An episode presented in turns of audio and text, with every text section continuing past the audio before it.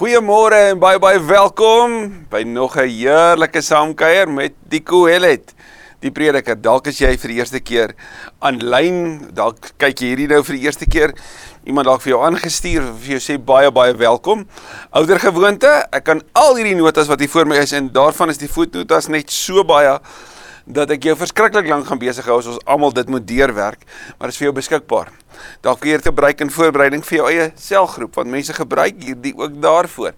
Onthou ek stuur dit graag vir jou aan. Dit is altyd lekker om hier op hierdie ruimte ook mense te herinner aan ons sorgbediening.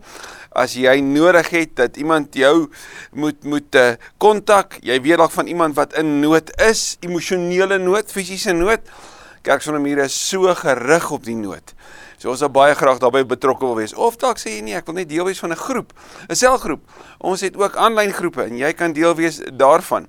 Miskien sê jy, weet wat, ek wil meer betrokke word, nie net in hierdie spasie op hierdie vlak nie. Ek sit dalk so ver as Kanada, maar KSM is my gemeente. En ek wil deel word en ek wil meer deel wees gaan kyk 'n bietjie op ons sosiale media. Gaan kyk 'n bietjie na ons dienprojekte waarby jy betrokke kan wees wat jou iets gaan vertel van die sendelinge wêreldwyd waarby ons betrokke is. Die projekte ook hier plaaslik waarby ons betrokke is want een ding is belangrik. Ons wil 'n seën vir die stad, 'n seën vir die nasies en vandag ook in die besonder 'n seën vir jou wees.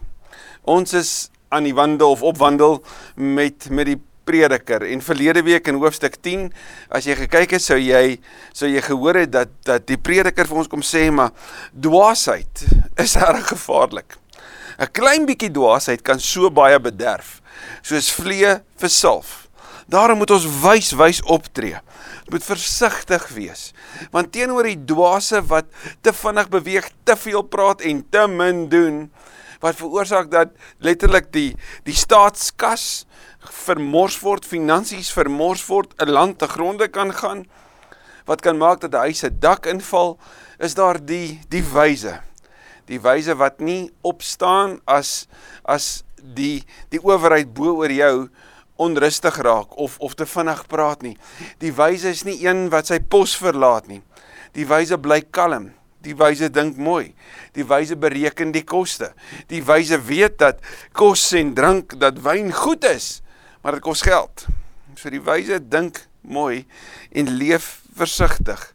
Die wyse is kalm. So met dit in gedagte, voordat ons hoofstuk 11, die kortste hoofstuk in die Prediker aanpak, kom ons vra die Here om ook sy wysheid in ons harte oop te breek vandag. Dankie Here dat ons kan stil wees vandag. U weet van die lawaai, van die musiek, van die klanke om ons. Wil U asseblief dit net kom stil maak vandag, ook in ons gees, Here, dat ons U sal hoor. Dankie dat gebed 'n twee gesprek kan wees. Dat ons nie hier is om 'n monoloog te te lewer nie, maar eerder te vra, Here, wees U asseblief, asseblief aan die woord. Wees U ook die een wat in ons harte praat. Hierdie is so 'n kosbare boek. So so tydig in ons wêreld vandag. Ons wil dit van die dakke afskree. Gaan lees Prediker, gaan dink oor Prediker, gaan gaan sien hoe wonderlik is God se woord. Dat jy vandag helder nuus, baie relevante nuus, klinkare reguit op die man af nuus sal hoor. Dankie Here dat ons dit ook van U vandag kan vra. In die naam van die lewende woord, Jesus ons Here. Amen. Amen. Prediker 11 vers 1 sê werp jou brood op die water, eendag kry jy dit terug. Dis 'n baie interessante spreek nie waar nie? Hier's 'n paar opsies. Aan die een kant kan dit wees dat dat dit wys op op handel dryf. In ander woorde skepe wat wat 'n vrag dan neem en dit dan gaan verkoop en eendag kry jy jou geld terug. So dit is letterlik om dit wat jy versamel het, die finale produk uit te voer. Dis 'n verseker op handeldryf kon dui. Die tweede sê sommige nee, dit dui op die plant van rys dat jy rys op 'n onmodderige nat area sou plant soos wat ons maar sien daar in die ooste en dat dit dan vir jou kos op sou lewer later. So letterlik werp jy jou brood op die water op die wyse. Van die akkadiese tekste sê vir ons nee, dit gaan oor die fermentering van bier dat jy letterlik brood op water sit, dit gis en uiteindelik kry jy bier terug. 'n laaste vanuit die Egiptiese teks is of ons sê nee. Hierdie dui op 'n 'n spreekie uit die Egiptiese spreek wat gaan oor jy het nodig om goed te doen aan ander. So doen goed aan ander. Gee almoses. Doen doen jou bes om om om mense te versorg en eendag, eendag is dit dalk jou beurt en dan kry jy dit terug. Watter een van die vier sou jy kies? Wel dit lyk vanuit die groter konteks en ons gaan dit hierna hierna ook sien dat dit waarskynlik dui op op handeldryf. Hoe dit ook al sê, ek vermoed dit gaan oor gebruik jou geleentheid. Doen jou bes nou.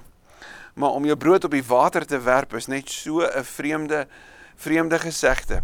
So kom ons dink dieper oor waarmee is die prediker besig want hy is een hoofstuk weg van sy hoogtepunt. So waaroor gaan dit uiteindelik? Wel as jy jou brood op die water werf, dan is dit weg van jou af. As jy eendag kom terug, so tussen nou en die eendag is daar 'n tyd van nie weet nie. So waarskynlik dui dit op vertroue. Leef die lewe met vertroue. Doen jou bes nou. Kyk wat die Here eendag doen. Jy weet nie van eendag nie. Jy weet nie wat terugkeer nie van ons hier sou kon sê, weet jy, daar het iets met my gebeur 5 jaar terug. Ek het gedink ek het verlies gelei en ek het later opbrengs gekry wat ek nie eens van geweet het nie. So 'n 'n 'n terugkeer, 'n meevallertjie as jy wil, wat ek nie op verwag het nie, wat ek nie eens aan gedink het nie. Die belangrike is doen jou bes nou. Vers 2: Hou jou besittings op 7, selfs 8 plekke, want jy weet nie watter teëspoed oor die land kan kom nie. 'n ander manier wat ons hierna kan kyk is die Afrikaanse gesegde: Moenie jou eiers in een mandjie gooi nie. Moenie jou jou jou kaarte alles op een perd as dit ware sit nie, nê? Nee? Moenie moenie op een persoon fokus of op een besigheid of op een geleentheid en sê hierdie gaan alles wees nie want die risiko daarvan is te hoog. In Salomo se tyd sou hy sê nee, wysheid is en daar was nie banke in daai tyd nie. Daarom sit jy jou goed op verskillende plekke sodat as iets as teespoed jou sou tref, dit net op een plek jou dalk sou tref. In vandag se wêreld praat die beroepsmense van 'n portfolio of life. So jy het nie net en dit gaan al hoe meer in die toekoms ook so wees. Jy het nie net een fokus vir 'n bron van inkomste nie. Jy het dalk 'n klomp verskillende opsies of verskillende verantwoordelikhede wat uiteindelik jou totale portefeulje bou sodat sou jy in die een plek skade ly, jy nie op al die ander plekke sou skade ly nie. Dink net hoe wys was dit in die tyd van die Salomo. En ek wil nou hoor ons dit in 2021. Hoe kosbaar is God se woord nie. Daar's ook 'n ander manier om hierna te kyk en dit is as hy praat van 7 of 8 plekke wat jy jou goed moet belê of op moet bære, dan gaan dit ook oor binne die geleenthede. Gryp die geleentheid aan. As daar 'n plek is waar jy 'n verskil kan maak, doen dit nou. Soos Craig Rochelle gesê het, if you're not dead, you're not done. So moenie ophou nie. As jy 'n geleentheid kry, gryp dit aan. Owen McManus sou weer sê, go until God says no. So in plaas van om te sê, wag, wees versigtig, gaan daarvoor. Nou julle sal kan onthou 'n paar weke terug het ons 'n nuwe reeks begin, oop deure wat die afgelope Sondag klaar gemaak het. En waaroor gaan hierdie oop deure? Waaroor gaan die deure reeks? Wel om oop deur mense te wees. Mense van waagmoed. Mense mense wat geleenthede raak sien. Mense wat nie wag totdat hulle gereed is nie, maar wat sê jy sal nooit gereed wees nie, so gaan doen dit net. En kyk wat die Here met jou wil doen. Mense wat sê dat as daar 'n opsie van 2 is, dan kies ek om gevorm te word al hoe meer na Christus toe, eerder as om te sê wat is die beste vir my, te sê hoe kan ek die beste daarvoor wees? Mense wat vertroue het wanneer hulle agter die Here deure deurstap, want die Here is die een wat deur die drempel van ons lewe gestap het om ons deur die drempel van die wêreld in te stap en te dra en te sê maar dis waarmee hy besig is. Nou dis met dit in gedagte wat die prediker sê, gryp die geleenthede aan. Vers 3 As die wolke vol water is, reën hulle leeg op die aarde. Of 'n boom nou suid of noord val, dit bly waar dit geval het. Nou die kommentare wat ek raak gelees het, kry hulle 'n klomp verskillende moontlikhede, maar niemand weet regtig nie. So waarop dui dit? Want as die wolke vol water is, dan gaan dit reën. Ander woorde, as die geleentheid hier nou is, gryp dit aan. Moenie wag vir eendag nie.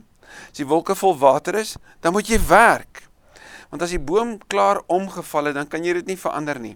Dis verby. So as die geleentheid verlore is, dan moet jy dit rou. Die verlies het gekom. Dit is verby. Die kans sal nie weer wees nie. So hierdie oomblik, vandag, nou, gryp dit aan en maak die meeste daarvan. Vers 4.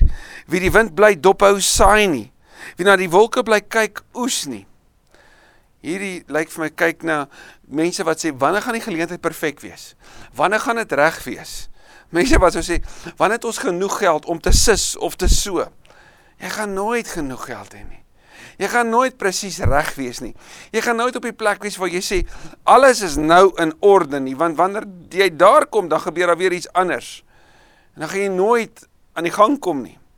So pas op daarvoor want hulle wat die hele liewe tyd na na na die wolke kyk, kyk nie na die grond voor hulle wat omgespit moet word en die saad wat gesaai moet word nie. En as daar iets hiervan ook in die Nuwe Testament, ek bedoel, as ek en jy gaan gaan lees, dan gaan dit sê hoe dat dat jy jou saad moet saai in oorvloed en met toewyding en dat die oes sal kom. Edmund Hillary, die bekende bekende reisiger wat Mount Everest uitgeklim het, het 'n tydgenoot gehad en ek het regtig net sy naam vergeet. Ek het al gaan soek na hom. Miskien weet jy wie dit is. Dis 'n 'n uur gewees wat ook in daai tyd Everest wou uitklim. En en en in daai tyd was die finansies net skaars daar in die 1930s. En die vraag word eendag vir die man gevra: "Hoe het jy al die finansies bymekaar kon kry om hierdie ekspedisie aan te pak?" En die man sê toe die volgende: wanneer jy die tree van wagmoed en vertroue gee, dan kom daar voorsiening wat andersins nie sou gekom het nie. sien dit vra eers 'n tree van wagmoed. Eers 'n tree van ek sal gaan wat voorsiening aan die gang sit wat andersins nie sou gebeur het nie. Maar jy moet bereid wees om dit te doen. Of jy kan aanhou na die wolke kyk, jy kan aanhou na die omstandighede kyk. Jy sal net nooit die oes sien nie. Vers 5 sê net so min as wat jy kan verstaan hoe gees en liggaam bymekaar uitkom in die skoot van 'n swanger vrou. Net so min kan jy die werk van God verstaan. Hy doen dit alles. Hierdie is so die die sleutel agter alles van die prediker. Jy gaan dit in hoofstuk 8 vers 17 mos sien. Dat dit wat ek en jy van God kan weet is wat ons dat ons nie weet nie. Hier in hoofstuk 11 sien ons iets anders dat dat ek en jy die volgende moet hoor. Ons gaan dit nie verstaan nie. En dit maak ons vry. Want sien, sommige mense het hulle self aangestel as die advokate van God. Hulle moet alles wat hy doen verduidelik. Hulle moet as dit ware namens hom praat. Ek en jy hoef nie. Salomo het nie. Wie sou ons nou wees om te dink ons moet? Nee, ons is nie sy buiksprekers nie. Daarom het ek en jy net nodig om te kan weet dat ons net nie altyd sal verstaan nie. Jy sal nie begryp nie, want in die wonder van hoe 'n liggaam en 'n gees bymekaar kom in die skoot van 'n moeder, Ons weet nie eens hoe dit gebeur nie. Ons sien nie die kompleksiteit daarvan nie. Ja, ons kan dalk deur 4D skanderinge klomp ander goed sien.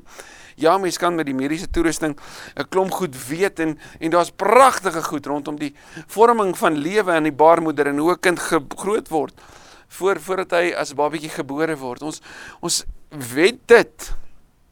Maar daar's sekere goed wat ons net nie weet nie. En net so wat ons dit nie weet nie, sê Salomo net so min sal jy verstaan wat God mee besig is met tye. Maar die feit dat ek nie verstaan nie, beteken nie dat ek hom nie kan vertrou nie. Dit beteken ook nie dat ek hom nie moet gehoorsaam nie. Dit beteken wel hy is God en ek is nie. En ek het nie nodig om te probeer om God te wees nie. Ek moet net op hierdie oomblik gehoorsaam wees aan hom en hom vertrou want hy is in staat om dit te doen wat my brein net te klein is om te verstaan. Hy is besig ook in hierdie tyd in ons wêreld waar ons so probeer probeer om te verstaan. Hierdie wêreld wat so de mekaar en so onseker is. So probeer om te verstaan wat is aan die gang en en sommige het al hierdie hierdie donker stories. Ai julle, die prediker kom sê vir ons maar, maar wat van God se storie? Want in hierdie tyd van nie verstaan nie, beteken dit nie God is afwesig nie. Hy is nog steeds aan die werk soos altyd. Ek en jy moet net doen wat ons vandag moet doen. Ons moet vir die kind voor ons help. Ons moet daai persoon bel, ons moet daai gesprek hê. Ons moet die oomblik aangryp. Al verstaan ons nie. Johannes 3 vers 8 sê Jesus in sy bekende gesprek met die nagdisipel Nikodemus dat die wind waai waar hy wil die wind beweeg. Jy kan nie die wind vasvang nie. Jy kan nie die wind beheer nie. Jy kan hoogstens die wind meet. So wat het ek en jy nodig? Net om gelowig te vertrou. En wat maak ons in hierdie onsekere wêreld wanneer dinge nie duidelik is nie? Wel vers 6 sê vir ons wat ons moet doen. Saai jou saad in die môre. Gaan in die laatmiddag daarmee voort. Jy weet nie watter van die twee sal 'n oes oplewer nie en of albei ewe goed sal wees nie. Wat jy weet is dat jy dit wat jy nou moet doen, moet doen en kan doen. Wat jy nie weet nie, is wat dit teweegbring. Van die goeie hiervan is dat daar sommige goeie goed wat ons doen wat ons nie die vrug van eers sien nie. Ons sien nie die impak van die goeie dade wat ons doen nie, die mooi boodskap wat ons stuur nie. Hoe dit iemand dalk optel wat wat wat moeg en moedeloos is nie. Jy kry dalk nie die boodskap terug wat sê, "Sjoe, baie dankie, dit het so baie beteken nie."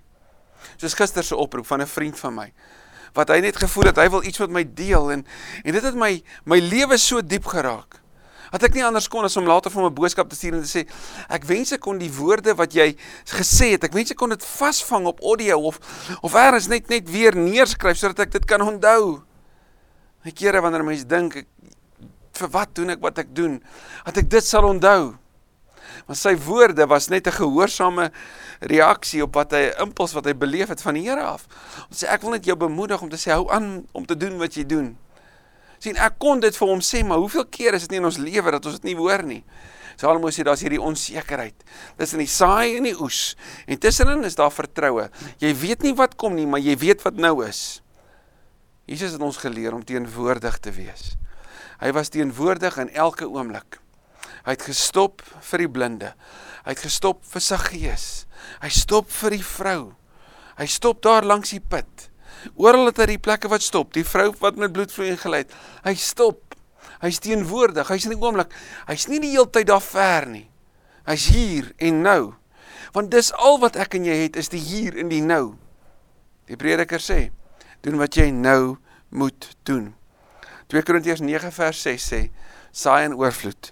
Galasiërs 6 vers 9 sê, en so sal ek en jy ook oes. En dan draai Salomo die die fokus op op God opnuut weer wanneer hy in vers 7 sê die lig is aangenaam dit is goed vir die oë om die son te sien. Hierdie gaan oor die lewe. Dis goed om te lewe. Dis goed om Vitamiin D op jou vel te hê. En as hy sê die die lewe is aangenaam dan herinner dit ons weer op hoe kyk ons na hierdie lewe?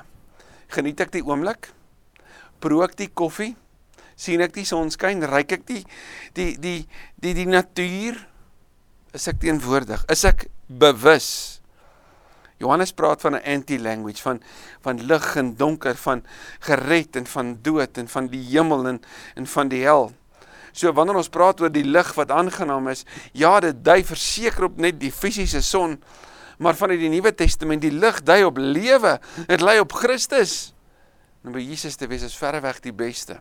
So hou jou oog op die lig en leef terwyl jy die son kan sien voluit. As 'n mens lank lewe en dan kom Salomo by 'n klomp imperatiewe opdragte, moet jy oor alles dankbaar wees. Moet jy dankbaar wees. 1 Tessalonisense 5 vers 18 sê dit ook, wees altyd dankbaar. Maar Salomo sê moet jy dankbaar wees, het ons al ooit ons sonde van ondankbaarheid bely? Is vreeslik interessant dat die sielkunde ons kom leer dat dankbaarheid 'n effek het op die vreugde wat jy in hierdie lewe beleef dat dankbaarheid jou oplig uit 'n 'n put van vergelyking en ontevredenheid. Om te leef vanuit dankbaarheid vir jou mense. Om te leef vanuit dankbaarheid vir wat jy het. Hy sê ons moet dit hê terwyl jy leef. Psalm 118 vers 24 sê: "Vandag is die dag wat God gemaak het, laat ons daaroor bly wees, dat ons vreugde vier." Maar jy moet onthou, hoor net mooi hierdie, dat die donker dae van die dood wat kom ook baie is. Dis Salomo se realiteit nou. Sy leef dankbaar want jy moet weet daar kom 'n dag wanneer die donker dae van die dood wanneer jy nie meer kan droom oor lewe, wanneer jy nie meer 'n effek het om hierdie wêreld te verander nie, wanneer dit kom soos daai boom wat geval het en dan is dit verby. So omdat jy nie weet wanneer daai dag kom nie en jy weet jy het vandag terwyl dit vandag is, leef die lewe, sien die son, proe alles wat jy kan. Vers 9: Jy wat jonk is, moet vreugde vind in jou jeug en jou jong dae ten volle geniet. Hoor mooi, jy moet. As ons tog vir ons jong mense kan leer vandag, jy moet die lewe geniet. Maar wat doen ons? Ons laai hulle met onsekerheid en bekommernis en ons sê vir hulle hoe donker hierdie wêreld is en en hoe hoe dit soveel beter was in die verlede wat Salomo in Prediker sê het ons nie moet doen nie. Hoe help ons ons kinders om te lewe? om kreatief te wees en te droom. Hoe help ons hulle om om nie in hierdie hierdie hierdie realiteit vas te val van ek kan nie. Want hulle sê ek droom van om hulle te sê droom groter. Nie vir hulle sê maar jy kan nie en jy weet nie hierdie is gevaarlik. Pas op vir daai en moenie hierdie nie. Maar hulle te leer om te leef en voluit te leef. Want die prediker sê jy moet vreugde vind. So jy moet onthou dat jy hierdie lewe moet geniet. Is dit 'n roekelose carte blanche gaan doen net wat jy wil? Gaan maak net soos jy lus het? Nee nee nee. Sien soos Paulus gesê het, wees altyd bly, dan help hy ons om te verstaan hoe om bly te wees. Hy praat van waarop ons ons gedagtes moet rig daar in Filippense 4. Ook hier kom Salomo met 'n wonderlike verantwoordelikheid wanneer hy sê: "Doen wat jy goed vind en waarvan jy hou." Maar moenie vergeet dat God van jou rekenskap sal eis oor alles nie. God stel grense. Net soos daar in Hebreërs 9:27. Hy kom sê hier's die veilige grense vir jou en my om voluit te leef hou jy daar binne, gaan jy nie een oomblik 'n 'n dag van onsekerheid of spanning of skuldgevoel hê nie. Gaan jy vry voel, gaan jy vanuit jou verhouding met die Here voluit kan leef. Gaan jy buite hierdie grense, raak dit gevaarlik vir jou en vir ander. Steel dit jou vreugde, maak dit die lewe vir jou bitter en moeilik en kompleks.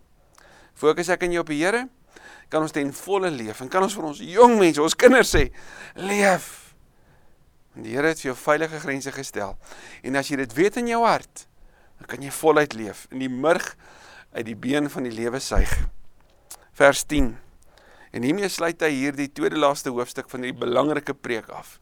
Hou kommer uit jou hart en vermy wat jou liggaam kan kwaad doen. Kommer is daai wat Paulus in Filippense 4 sê, moet oor niks bekommerd wees nie. Kommer, worry, onsekerheid, spanning kan so 'n negatiewe taal wees wat ons so aanleer asof dit ons eerste taal word. Hy sê moenie, hou dit uit jou hart uit. Moet oor niks besorgd wees nie, want kommer steel jou vreugde. Kommer steel jou energie. Kommer steel jou slaap. Dit steel jou drome. Dit steel jou verhoudings. Dit steel die manier hoe jy na die wêreld en na die son en na alles kyk. Hy sê vir my wat jou liggaam die kwaad aandoen. Die die Hebreëse woord daar letterlik is kaas. Dis kaas, nê? Nee? En kaas verwys na 'n violent passion. Jesus sê in Matteus 6:33 soek allereerst die koninkryk en die Here sal vir jou alles gee wat jou hart begeer. Maar pas op vir die violent passions want ja, jong mense het violent passions.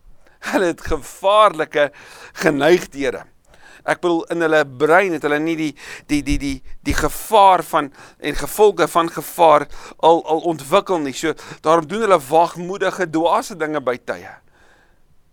Want hulle het violent passions. Salomo sê pas op daarvoor. Want uiteindelik Ekskuus tog, ook die jeug en die jonkheid is hevel. Ook dit kom tot niks. So, terwyl jy vandag het, terwyl jy hierdie oomblik het of jy jonk is of jy al baie ouer is, gryp die dag aan. Leef die lewe. Jy het net vandag. Kom ons maak die meeste daarvan en kom ons vier die lewe as 'n geskenk. Because the only present that we have today might just be our presence. Amen. Kom ons bid.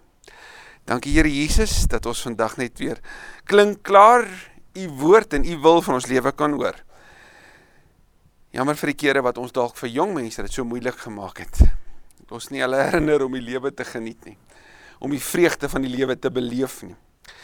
Jammer vir die geleenthede wat ons al gemis het, waarvan die bome al omgeval het. Die seisoene is verby en ons sal daai kans net nooit weer terugkry nie. Ons bely dit, Here.